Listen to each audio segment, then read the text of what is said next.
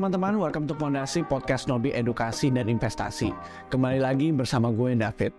Episode di penghujung 2022 ini kita kedatangan tamu spesial dan topiknya pun juga tidak kalah spesial. Tapi sebelumnya jangan lupa untuk memberikan like, subscribe, dan jangan lupa untuk ketuk lonceng notifikasinya untuk mendapat semua update dari channel YouTube Nobi. Oke, langsung saja kita ke tamu spesial kita di episode kali ini. Siapa lagi kalau bukan founder dan CEO Nobi, Loren Samanta. Halo Pak, apa kabar? Baik, baik, baik. Ini masih musim dingin nih kita ngomongin crypto winter nih, ini kan. Aku aja pakai outer nih sekarang. Iya, kita ada angin ya sekarang. Sedikit ya masih musim dingin sekarang nih. Oke, di mana kondisi portofolio nih Pak? Surviving, Surviving ya. surviving. Ya. Aku kalau kalau boleh tahu nih gitu, selama crypto winter sendiri gitu, strateginya apa sih Pak kalau boleh dibocorin gitu? Waduh. Masih beli, masih hodl atau masih ada yang jual-jual dikit sih Pak? Oh, strateginya adalah ya pertama harus percaya ya. Kan kita kalau investasi itu selalu harus ada strateginya. Pasti. ya gitu. Kita nggak bisa ngasal aja gitu ya. Jadi strateginya apa? Kalau saya strateginya selalu averaging. Averaging. averaging. Jadi kalau kita kalau buat saya di mana saya ada averaging sekarang ini walaupun musim dingin sebenarnya ini masa yang baik nih untuk menurunkan average price-nya gitu. Tapi ya of course nggak bisa sembarangan ya. Karena itu kan juga uh, harus pintar juga timingnya seperti itu Oke, Pak Lawrence ini kan sebagai salah satu pionir kripto lah di Indonesia bisa dibilang kayak gitu ya, dan udah mengalami berbagai banyak bear market lah ya. berapa kali? Ya.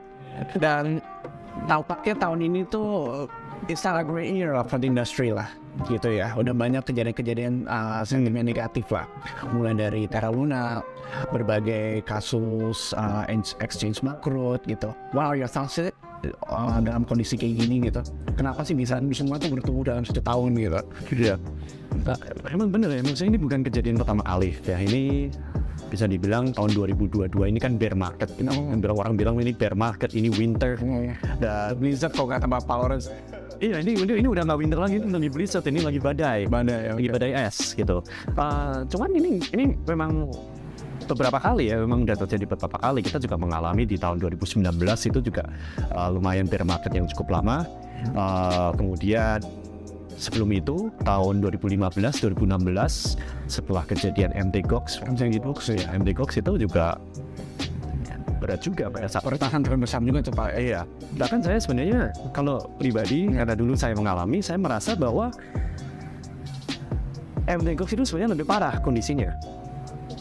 Karena pada saat itu yang pada saat itu karena kondisi marketnya itu kripto, kondisi market dan industrinya itu juga belum semacur sekarang. Mongox itu bisa dibilang memegang lebih dari 70% market dunia pada saat itu. Bitcoin, Litecoin ya, itu dulu koin-koin eh, tetuanya ya. Pada saat itu semua perdagangan terjadi di Mongox. Ya, dan karena dia pegang 70% dan dia kolaps, bisa dibayangkan efeknya sebesar apa gitu. Sementara kejadiannya di tahun ini memang ya ini sebenarnya orang bilang namanya ini ada contagion. Ada efek di mana perusahaan-perusahaan exchange besar ini banyak mengalami masalah ya kan? Ada beberapa yang akhirnya tutup ya kan? Mungkin yang sekarang sedang kali dibicarakan itu FTX gitu. Nah tapi kan dia hanya satu dari banyak dan kenyataannya sebenarnya masih banyak eh, perusahaan-perusahaan kripto yang surviving juga ya kan? Gitu dan ya Nobi salah satunya yang masih aman gitu kan. Nah jadi itu bisa dibilang sebenarnya kondisinya sekarang walaupun ya it's bad tapi not worse it's not the worst ya It's not worse actually gitu. Karena ini hanyalah cobaan aja gitu. Industrinya mengalami cobaan dan dari sini sebenarnya kita bisa melihat gitu. Kalau dengan adanya ini apa lesson learn-nya gitu. Apa lesson learn-nya apa yang bisa kita pelajarin supaya ini jangan terjadi ulang lagi. Perusahaan-perusahaan yang survive dari ini harusnya perusahaan yang memang kuat ya tambah kuat dong gitu kan ditempa oleh cobaan-cobaan ini. Nah itu itu yang yang kalau saya melihatnya sih trying to be uh, positive about this ya itu positifnya. Tapi kok bisa Pak bilang ini is not the worst, tapi mungkin it's the worst for new investors in crypto kali ya, karena semua datang bertubi-tubi dalam satu tahun juga Pak ya.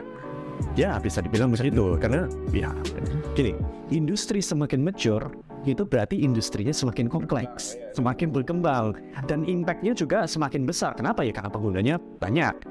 Ya mungkin di Indonesia tahun 2012 orang yang berinvestasi di kripto itu kurang dari 10 ribu orang. Sekarang sudah jutaan ya 17 juta. Investor saham juga kan Pak? Udah melewati itu betul gitu. Jadi impactnya apakah lebih besar secara kuantitatif? Lebih besar ya betul. Tapi sebenarnya apakah kita re- chance of recovernya itu lebih parah? Menurut saya enggak. Kondisi kita tuh sekarang diapa-apain masih better oke secara regulasi lebih baik secara konsentrasi juga eh, lebih banyak pemain industrinya.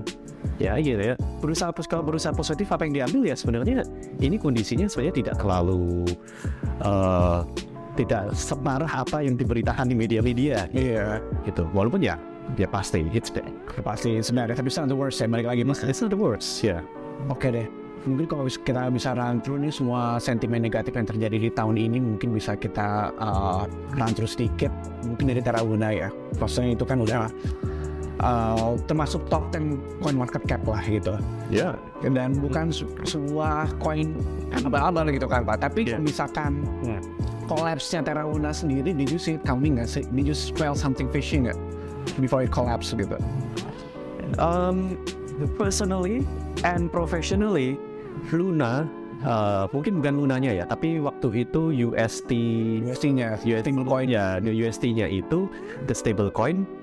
Memang itu professionally kita ya maksudnya saya dan juga tim Dinopi pun juga kita sepakat kalau memang ada yang visi di situ kan. Ada yang aneh di mana dia bisa memberikan yield 20% yang which is itu uh, unheard of.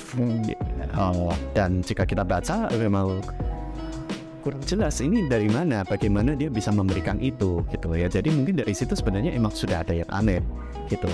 Dan ini mungkin jadi tema kan gitu. Bahwa sesuatu yang besar sesuatu yang uh, uh, bisa dibilang uh, itu belum tentu jaminan juga gitu. belum tentu jaminan belum tentu aman gitu. Karena yang kita lihat juga di situ sebenarnya kayak ya due diligence check and recheck gitu ya Nah itu pertanyaan saya sih karena menjadi PR nggak sih karena kayak suatu hal yang bukan jaminan pun yang yang safe pun bukan jaminan juga gitu kan. Jadi kita harus riset apa sih sebagai investor baru gitu. Iya, oke mungkin easier said than done ya, betul. Iya pasti. Eh, tak kenal tak sayang. Iya. Kita harus mempelajari benar-benar apa yang terjadi gitu.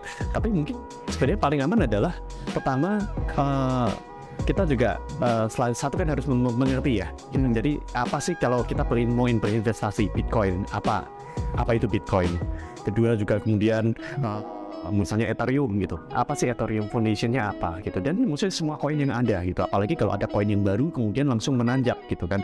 Apakah ini memang launching kok kata orang-orang ya. Ya, seperti itu kan. Iya. Ya, mungkin bisa dibilang wah ini koin micin nih, koin gorengan. Iya. gitu. Ya itu sebenarnya kita juga harus berhati-hati juga ya gitu.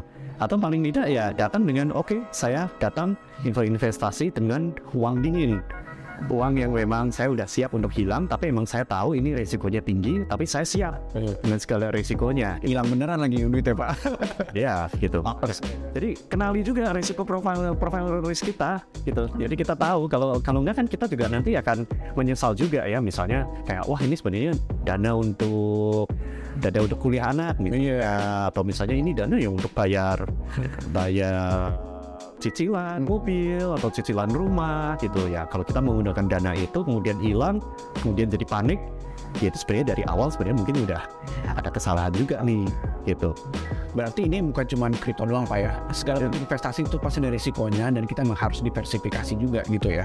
Betul, ya itu mungkin kalau uh, bertanya kepada semua penasehat keuangan, pasti kayak financial planner itu nomor satu. Jaga. Ya, mengenal dirimu dulu. Oke. Nah, selain ngomongin Terra Luna, ini kan selain itu high profile juga sebagai aset kripto gitu ya. Kita Iya. mau exchange exchange terbesar yang salah satunya FTX juga gitu. Iya. Selain FTX pun kan juga banyak exchange yang bangkrut juga. Sebelumnya mereka mempost withdrawals dulu, kemudian mereka menyatakan bangkrut. Celsius, Voyager, dan sekarang yang paling Iya. terakhir adalah FTX gitu. Iya. Ini semua nih exchange ini semua memiliki kesamaan nggak sih Pak dalam bangkrutnya gitu? Apa beda-beda sih gitu kasusnya? Hmm. Mungkin pernah dengar tadi saya kayaknya udah sebut sekali juga namanya contagion kan gitu. Di mana sebenarnya kondisinya berbeda-beda tapi semuanya saling berpengaruh karena mereka semua saling uh, berhubungan satu sama lain. Gitu. Jadi bisa dibilang sebenarnya di balik semua ini, ya ini adalah uh, unfortunate event yang terjadi berurutan Domino effect lah pak ya. domino effect. Jadi mulai dari Luna, Luna mungkin mempengaruhi waktu itu uh, Three Arrow Capital, Iya, capital landing. Three Arrow Capital, di mana Three Arrow Capital ini landing, manage uh, Training ratingin aset dari uh, beberapa perusahaan yang kemudian akhirnya collapse. Oke. Juga karena terisinya collapse. Kemudian ini juga ternyata juga berimbas terhadap FTX yang juga kita sampai sekarang juga belum 100% tahu apa yang sebenarnya terjadi. Hmm. Itu FTX sendiri ternyata juga berimpact kepada yang lain-lainnya tadi sempat disebut Ya. kan. Nah jadi ini semuanya apakah semuanya sama sebenarnya kondisinya kalau kita pelajari ini kondisinya sebenarnya berbeda satu sama lain. Tapi silver liningnya adalah risk management Risk management ya. risk management dari perusahaan-perusahaan ini ya ya bagi saya dan mungkin bagi Nobi pun juga ya ini harus kita pelajari. Oke. What's lesson learn-nya nih? Itu kan simpan buat berikutnya pak. Ya oke boleh. Oke. Ini semua semua kejadian ini bertubi-tubi dalam satu tahun pasti holder-holder yang garis keras nih pasti kan pada bilang tuh kan jangan nyimpen di exchange, jangan Wah. nyimpen di checks gitu kan. Iya. Kalau menurut Pak Lawrence sendiri masih aman nggak sih simpan di checks? Apakah semua kita harus pindahin ke cold wallet sih? Mungkin Pak Lawrence bisa kasih pros and cons Iya. atau gimana sih gambarannya kita bisa menyimpan aset di cold wallet sama di checks gitu? How safe is it sih? Karena ini one of the biggest exchange in the world bisa banget. Did you see it coming? Really? Ya, no, I didn't see it coming, especially yang FTX ya. Ya, I didn't see that coming karena uh, pada masanya ya, pada masanya FTX itu adalah salah satu perusahaan exchange terbesar yang uh, bisa dibilang regulated dan bisa dijadikan barometer juga di dunia gitu. Bahwa ternyata di belakangnya ternyata ada kebobrokan, kesalahan manajemen atau kemudian ternyata ada berbagai drama yang sekarang pun juga terus ongoing ya, masih ongoing seperti itu. Ya itu eye opener sebenarnya. Ayo, Ya eye opener. Kenapa ya? Karena I, I don't think anyone in the industry see it coming karena efeknya begitu besar. Nah, tapi kalau ditanya gitu, oke, berarti apakah semua cek itu bobrok gitu? Saya eh, itu terlalu cepat mengambil kesimpulan. ya, gitu. Karena memang ada pro kontra gitu. Dan semua ada risikonya masing-masing Oke. gitu. Eh, kalau mau dibilang cold wallet adalah solusi yang paling aman, Buy your keys, buy your coins gitu kan. not your keys, not your coins. Ya, bagi orang tertentu mungkin, ya, gitu. Kontranya apa kalau kita nyimpan aset di cold wallet? Kontranya adalah semua adalah tanggung jawab Anda sendiri. Not your keys, not your coins. It's your own responsibility. You're responsible. Nah, apakah kita siap dengan responsibility itu? Ya kan? Gitu. Pertanyaannya misalnya kayak ini ibaratnya kayak kalau di dunia uh, traditional finance, ibaratnya kayak simpan rupiah di bawah bantal. Mantap. Itu udah paling aman. Oh, paling aman. Tapi kok kemarin kan gimana pak? Ada resikonya juga betul. Ada risikonya juga gitu. Dia jadi mungkin seperti itu mungkin nggak exactly sama. Iya. Tapi ya itu not your keys, not your coin. Oke, you have the keys.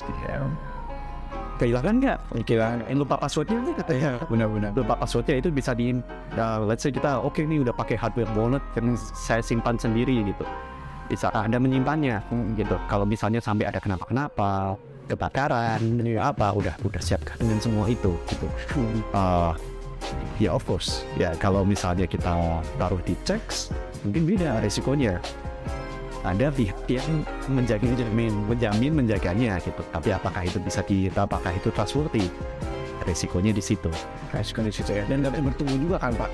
ya makanya jadi eh, ini semua ada ada pro consnya gitu. Kita siap dengan mana gitu. Ya kita bisa bilang ya mungkin tergantung personality-nya sendiri setiap apa gitu. Cuman kalau buat saya pribadi saya menilainya sebenarnya lebih ke arah how ready you are Gitu dalam investasi kripto ya pak. ya. dalam investasi itu how ready you are gitu buat saya malah sebenarnya mulai dari checks when you ready you understand everything you want to uh, keep mau simpan semua uh, apa koinnya sendiri gitu dengan your own keys gitu when you ready go for it ya gitu fully decentralized go for it gitu tapi anda harus siap dengan semuanya itu punya pasti ada pro kontranya juga pasti pak. Oh, banget. Iya. Oke. Nah, berikutnya nih eh, nggak semuanya tuh kabar buruk juga sih Pak di tahun ini ya. Ada kabar bagusnya yaitu Bank Indonesia dikabarkan akan meluncurkan rupiah digital yaitu CBDC kan. Iya. Dan kabar ini bisa digunakan dalam metaverse nih. Nah, CBDC pun sendiri itu juga ada pro kontranya di komunitas kripto kan. Ada yang pro, ada yang kontra juga gitu. Kalau misalkan Power sendiri menanggapi CBDC gimana sih? Mungkin saya akan di pihak yang lebih pro ya. Lebih pro ya. Buat saya le- lebih pro kenapa? Gitu. Karena mungkin kalau kita melihat argumennya ya kenapa coins itu basically uh, mau uh, buat apa? Ya kan kan kita udah ada cryptocurrency yang Ini pack gitu ya. ya yang di terus habis itu ya centralized yang di manage oleh community gitu all good Hmm. tapi buat saya uh, pribadi saya melihat bahwa uh, per central bank government itu mau nggak mau masih diperlukan Oke. gitu. Jadi kalau kita mau bilang nih gitu, kalau nggak perlu gitu, seluruh dunia sebenarnya bisa menggunakan koin-koin yang sudah ada, misalnya kayak Bitcoin atau Ethereum gitu. Buat saya mungkin itu mungkin masih agak lama gitu. Mungkin kita harus uh, melihat kenyataan bahwa sekarang itu di luar Masih membutuhkan Masih pemerintah juga gitu ya. masih masih masih sangat bergantung terhadap mata uang. Dan apalagi kita di Indonesia di mana mata uangnya itu rupiah. Dan itu menurut saya masih masih akan terus berlaku. Selama republik ini masih seperti ini aturannya masih seperti ini kita masih menggunakan rupiah.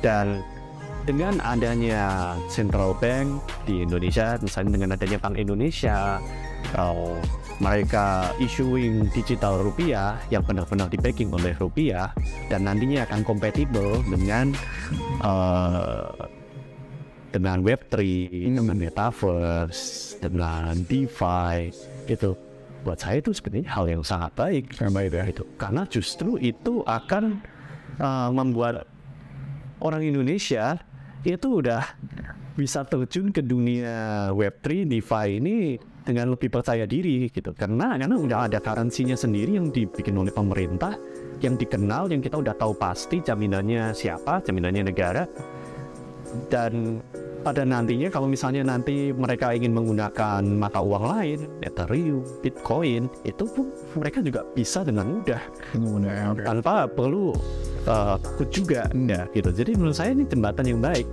Adopsi blockchain juga udah mulai Aduh, betul. Adopsi blockchain gitu. Saya lihat saya lihat sih ini ambil bagusnya aja ya. langkah yang baik Iya. gitu. Oke, so you looking forward to it ya. Looking forward to it, it's not gonna be easy. Yeah, I don't think it's gonna be easy. Yeah, But isn't gonna be a threat to the industry crypto? no, I don't think so.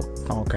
I don't think it's gonna be a threat. Uh, I think uh, if anything ya, industri kripto itu sangat dinamis, gitu. Uh, sangat bisa adapt to this, gitu. If anything, harusnya sekarang mata uang fiat itu justru yang lebih katakanlah lebih worry. Iya. terhadap kripto daripada kripto perlu worry sebenarnya. Di mana mereka lebih volatile dibanding kripto sekarang. Betul betul. Jadi ya maksudnya sering contohnya tuh, Pak ya. Iya, maksudnya kayak kalau kita lihat uh, mata uang mata uang yang lain pun juga uh, they have their own problem lah, they have their own issue. Gitu. Jadi sebenarnya uh, tentang ini Indonesia dengan mata uang rupiahnya memasuki dunia blockchain atau dengan CDBC ini bisa menuju ke sana sebenarnya itu langkah yang baik. Wah, apa yang baik ya. It's a, it's actually pengakuan. Iya pengakuan ya. Akhirnya diakui ini. Ya menurut saya ini sebenarnya ini pengakuan gitu. Kalau memang ini udah nggak bisa diignore lagi. Teknologinya sendiri, Pak ya. Iya. Ya selain CBDC kan juga belum lama ini kan Elon Musk juga akuisisi Twitter dan dia memiliki berbagai strateginya kan di mana ia akan menggunakan teknologi blockchain dan kripto di Twitternya sendiri ya Pak ya. bisa bisa dibilang ini udah uh, ada ada perumahan yang bilang ya kereta sudah berangkat. Iya. the train already set. Ini uh, udah nggak bisa di stop Bisa di stop ya. Kondisi lagi winter gini ya tetap aja jalan gitu. Tetap aja. Maksudnya project yang perusahaan-perusahaan project-project komunitas-komunitas di uh, dunia blockchain dunia kripto ini sebenarnya kurang begitu peduli dengan kenyataan bahwa harganya turun gitu. Karena memang ini kita di sini ini maraton membangun infrastrukturnya. Ini kan sekarang kan blockchain dan crypto ini kan masih awal, usianya baru berapa tahun. Ethereum itu nggak nyampe 10 tahun loh. 10 tahun. VM Bitcoin 12 tahun ya pasti Pak. Kok 12 tahun? Ethereum itu berapa nih 2022? 15 ya? 18 coba. 2015 ya? 16 coba. Ya 7 tahun. 7 tahun kan? Iya. Masih anak kecil. Ya, masih anak kecil ya. Masih anak kecil ini. Masih anak kecil, abis banyak berita-berita kalau misalkan masih banyak orang tuh berpikir kalau misalnya ini, ini aset Iya. kaya gitu. Itu sih bikin banyak yang salah ya Pak ya. Ya mungkin Dan grade-nya sendiri nggak sih Pak menurut Pak Lorenzo? begini namanya uh, teknologi dan apalagi teknologi blockchain, crypto itu kan sangat menjanjikan. Uh, pasti akan mengundang orang-orang yang ingin berspekulasi. Itu pasti terjadi, nggak bisa dihindarkan, gitu. Volatilitasnya dari situ, ya. Tapi pada akhirnya juga dan seiring industrinya bertumbuh, ya mungkin investor kripto di Indonesia juga udah mencapai 17 juta kita at some point kita akan mencapai titik di mana ya ini udah tidak bisa berhenti ini udah uh, tidak bisa dianggap sebelah mata memang uh, have to live with it. Iya benar gitu. Ya, bagaimana ini nanti kripto ini akan jadi uh, bagian dari masyarakat? Gitu. Jadi seperti internet aja ya Pak ya sekarang. seperti internet ya kan? Mungkin kalau kita bicara di Indonesia nih 2022 tahun 2002 gitu. Mungkin uh, sebagian besar orang mungkin akan menganggap nggak ada internet di rumah nggak apa-apa. Saya pakai komputer sekolah nih Pak. Pakai akses internet Pak. iya itu pun zaman itu ya nggak tahu ya mungkin uh, zaman kamu beda ya gitu. Waktu dulu zaman saya sekolah nggak ada internet juga nggak apa-apa nggak ada yang banyak ya kan? Cuman mungkin orang-orang tertentu ya wah udah kayak Yahoo atau kayak apa gitu. Bisa privilege aja buat it's a privilege gitu. Tapi apakah itu utility misalnya kayak kayak listrik Oh. kayak air gitu? Enggak. Ya zaman sekarang ya orang ke mana pun tanyanya wifi-nya ada nggak Kita menjadi kebutuhan primer bukan terrestrial lagi Pak ya. betul Oke. Nah, tadi aku mau balik lagi tuh ke pertanyaan yang berbagai exchange makro tuh Pak ya. Iya. Pelajaran yang bisa dipetik dari Nobi apa sih Pak? Karena ini kan termasuk exchange terbesar gitu ya. Lesson learned yang Pak Lawrence dan tim Nobi sendiri dapat petik tuh apa sih? Oke, yang pertama adalah risk management Pak. Oke. itu udah itu udah jelas ya risk management uh, di mana kita itu uh, harus tahu bagaimana cara memanage risiko. Jangan terbawa suasana. Ya tahun 2021 di mana kripto mengalami bull run ya bisa dibilang. Dengan ya mungkin ada banyak faktor lah seperti misalnya covid digitalisasi semua itu yang bikin animo jadi sangat tinggi. Ya kemudian ya risk management jadi priority nomor sekian ya. Karena mungkin yang dikejar adalah uh, growth gitu misalnya ya kemudian riset terlupakan risk managementnya terlupakan nih padahal di mana-mana kalau kita bergerak di bidang fintech, financial technology, risk itu risk management harusnya nomor satu. Security, ya di dalamnya salah satunya tentang security, compliance, segala macam. Yang kedua tadi ya selain risk management ya compliance ya, uh, governance, governance management.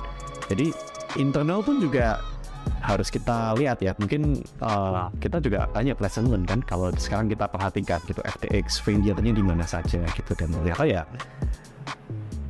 salah satu duanya yang terjadi adalah kegagalan governance di perusahaan.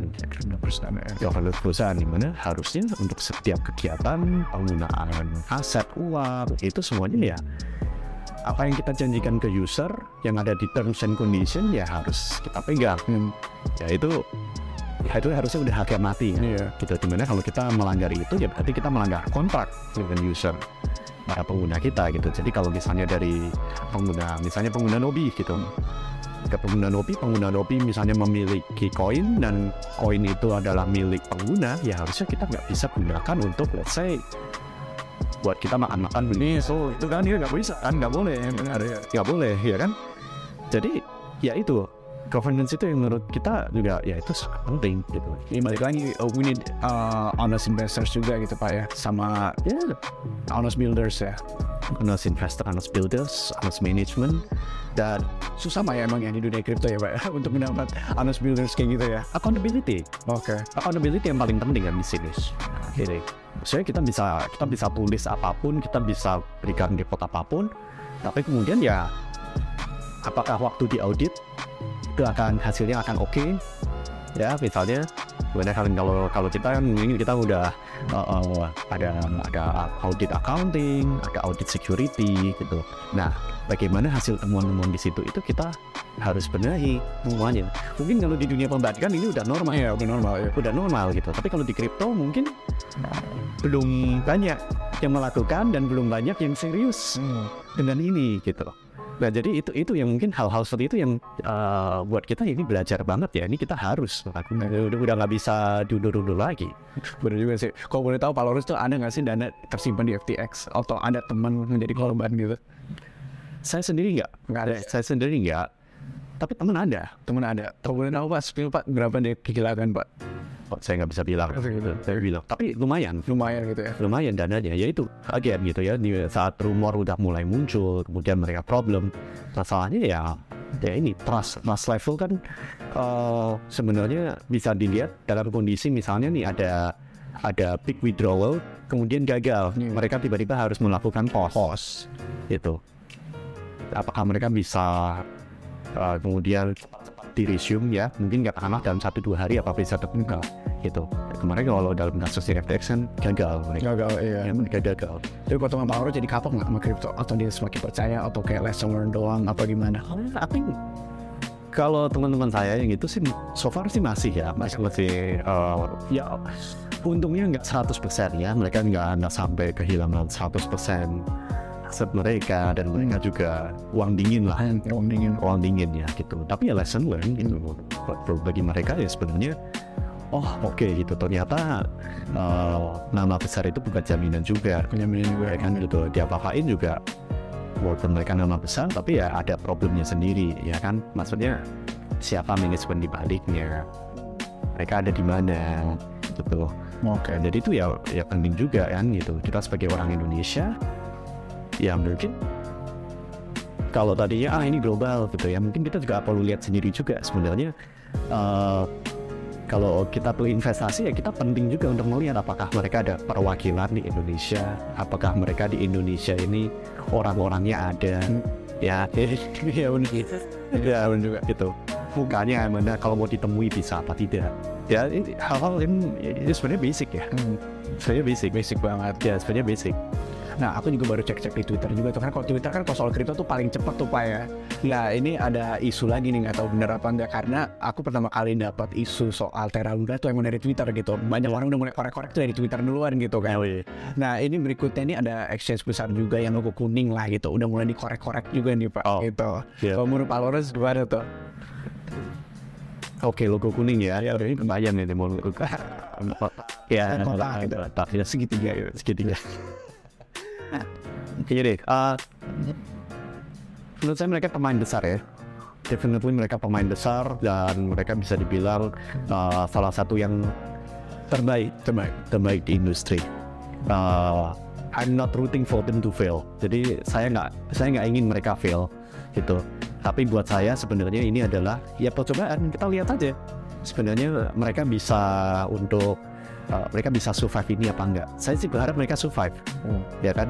Karena ini sebenarnya ini adalah masa di mana mereka ini uh, mengalami uh, pencobaan aja, ya itu. Apakah mereka bisa de- dengan segala rumor yang ada, dengan penarikan, ya kan gitu. Maksudnya jika ini ternyata jika ini ternyata mereka bisa, gitu kan, tidak terbukti, ya kan? Ya berarti uh, berarti industri bisa bernafas lega gitu. Karena ternyata Salah gitu ya. ternyata aman gitu. Ternyata mereka bisa survive. Iya. tapi dengan dengan pihak ya kalau misalnya emang ternyata mereka bermasalah ternyata mereka uh, tidak bisa orang melakukan penarikan mereka tidak bisa melakukan mereka tidak bisa memenuhinya gitu.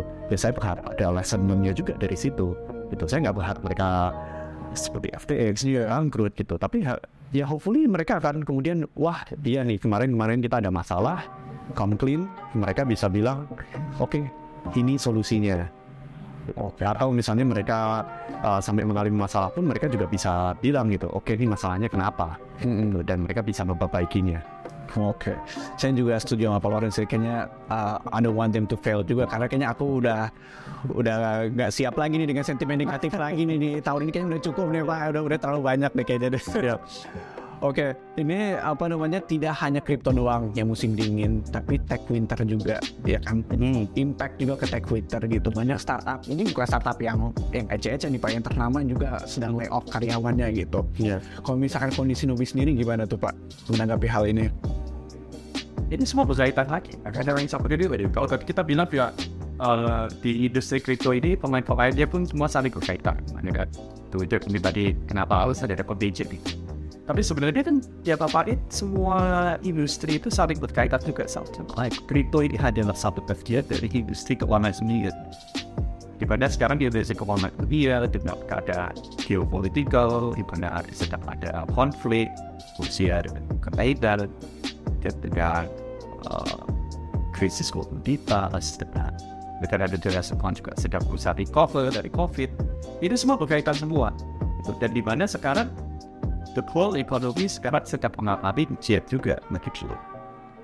Growth, inflasi, growth betul, inflasi, dan naik. Ya di sini tentu ini akan ada impactnya ke semua sisi. Jadi kalau dibilang tech startup, tech startup itu ya mungkin ini berita ya ini Indonesia tech startup ini eh, bisa dibilang hanya sebagian, bisa dibilang sebagian kecil dari keseluruhan di luar tech startup juga ada misalnya anak-anak pabrik-pabrik raksasa Kemudian ada oh, industri-industri besar di mana mereka semua pun juga mengalami hal yang sama. Gitu, ya. Robi untungnya ada di posisi yang aman. Kita kemarin baru saja melakukan fundraising juga di awal tahun. Kita secara ekonomi, keuangan juga kita aman, runway kita aman, dan semuanya kita juga kemarin sudah waktu melakukan manpower planning juga dia juga sudah memperhitungkan juga kondisi di mana kemungkinan kita akan mengalami resesi. Jadi nggak situ Pak? Jadi gitu tahun depan tuh. We never know. We never know. We never know, but you know, when the sky is dark, kelihatan bakal hujan deras. Selain payungnya. Sedih payung. Dan harus know. Selain payungnya. Ya. Kalau misalnya sampai nggak hujan tiba-tiba cerah, Iya, memang apa ya? Ya, kan? Apa? Iya benar benar benar. Bawa payung gitu ya. ya tapi bawa payung dulu, udah siap-siap dulu. Oke. Jadi conclusionnya um, investasi kripto nih untuk tahun depan tuh masih aman nggak sih Pak? Sebagai closing statement nih untuk para investor baru yang baru mau invest di Iya. kripto di tahun depan. Oke, aman itu relatif. Itu satu. Ya, Ini saya berusaha objektif juga ya. Gitu. Aman itu relatif. Tapi eh, di saat kondisi tidak menentu, kita harus diversifikasi. Dan kripto bagi saya pribadi dan melihat kondisi sekarang, kripto itu bisa dibilang sudah tidak bisa diignore. Gitu. Jadi katakanlah kita mau investasi, katakanlah satu juta ya mau investasi masa nggak allocate 50 ribu misalnya atau 100 ribu ke kripto misalnya di situ diversifikasi karena apa pun yang kita lakukan kalau misalnya kita hanya investasi di satu jenis instrumen ya itu resiko kita juga lebih besar Benar. Don't put your eggs in one basket ya. Don't put all your eggs in one basket gitu Kalau punya Pak Lawrence sendiri portfolionya alokasi yang versi Pak Lawrence itu gimana sih? I'm a big believer in crypto ya tapi saya hidup di Indonesia jadi saya juga masih punya rupiah. Mas punya rupiah, oke. saya juga masih punya US dollar juga. Oke. itu dia papain itu adalah uh, currency superpower dunia ya. Gitu kan bisa dibilang super currency sekarang ya dengan ya di dalam kondisi apa pun US dollar tetap always a safe bet buat saya ya. Uh, tapi ya crypto besar juga. Saya itu buat buat saya ya I'm a big believer. Tapi ya ini buat saya uang dingin saya berpikir long term Long term ya. Honda ya Pak, Honda ya Pak ya. harus Source ya. Oke deh Pak. Eh, mungkin cukup sekian Pak. Terima kasih banget untuk Iya. insight-nya ya. Jadi kita berharap juga untuk teman-teman yang ingin mulai investasi di tahun 2023 atau punya resolusi yang yang investasi 2023 gitu ya, investasi kripto. Jangan takut ya Pak ya. Masih banyak kok yang perusahaan yang honest ya Pak ya. Hmm. Ya kripto masih is the future lah gitu. Oke, okay, thank you teman-teman yang udah ikutin Pondasi selama setahun terakhir. Dan sebelum aku menutup acara, aku ingin mengingatkan jangan lupa untuk like, subscribe, dan ketuk lonceng notifikasi Nobi untuk mendapat semua update terbaru dari channel YouTube Nobi. See you di tahun 2023 and Happy New Year! Thank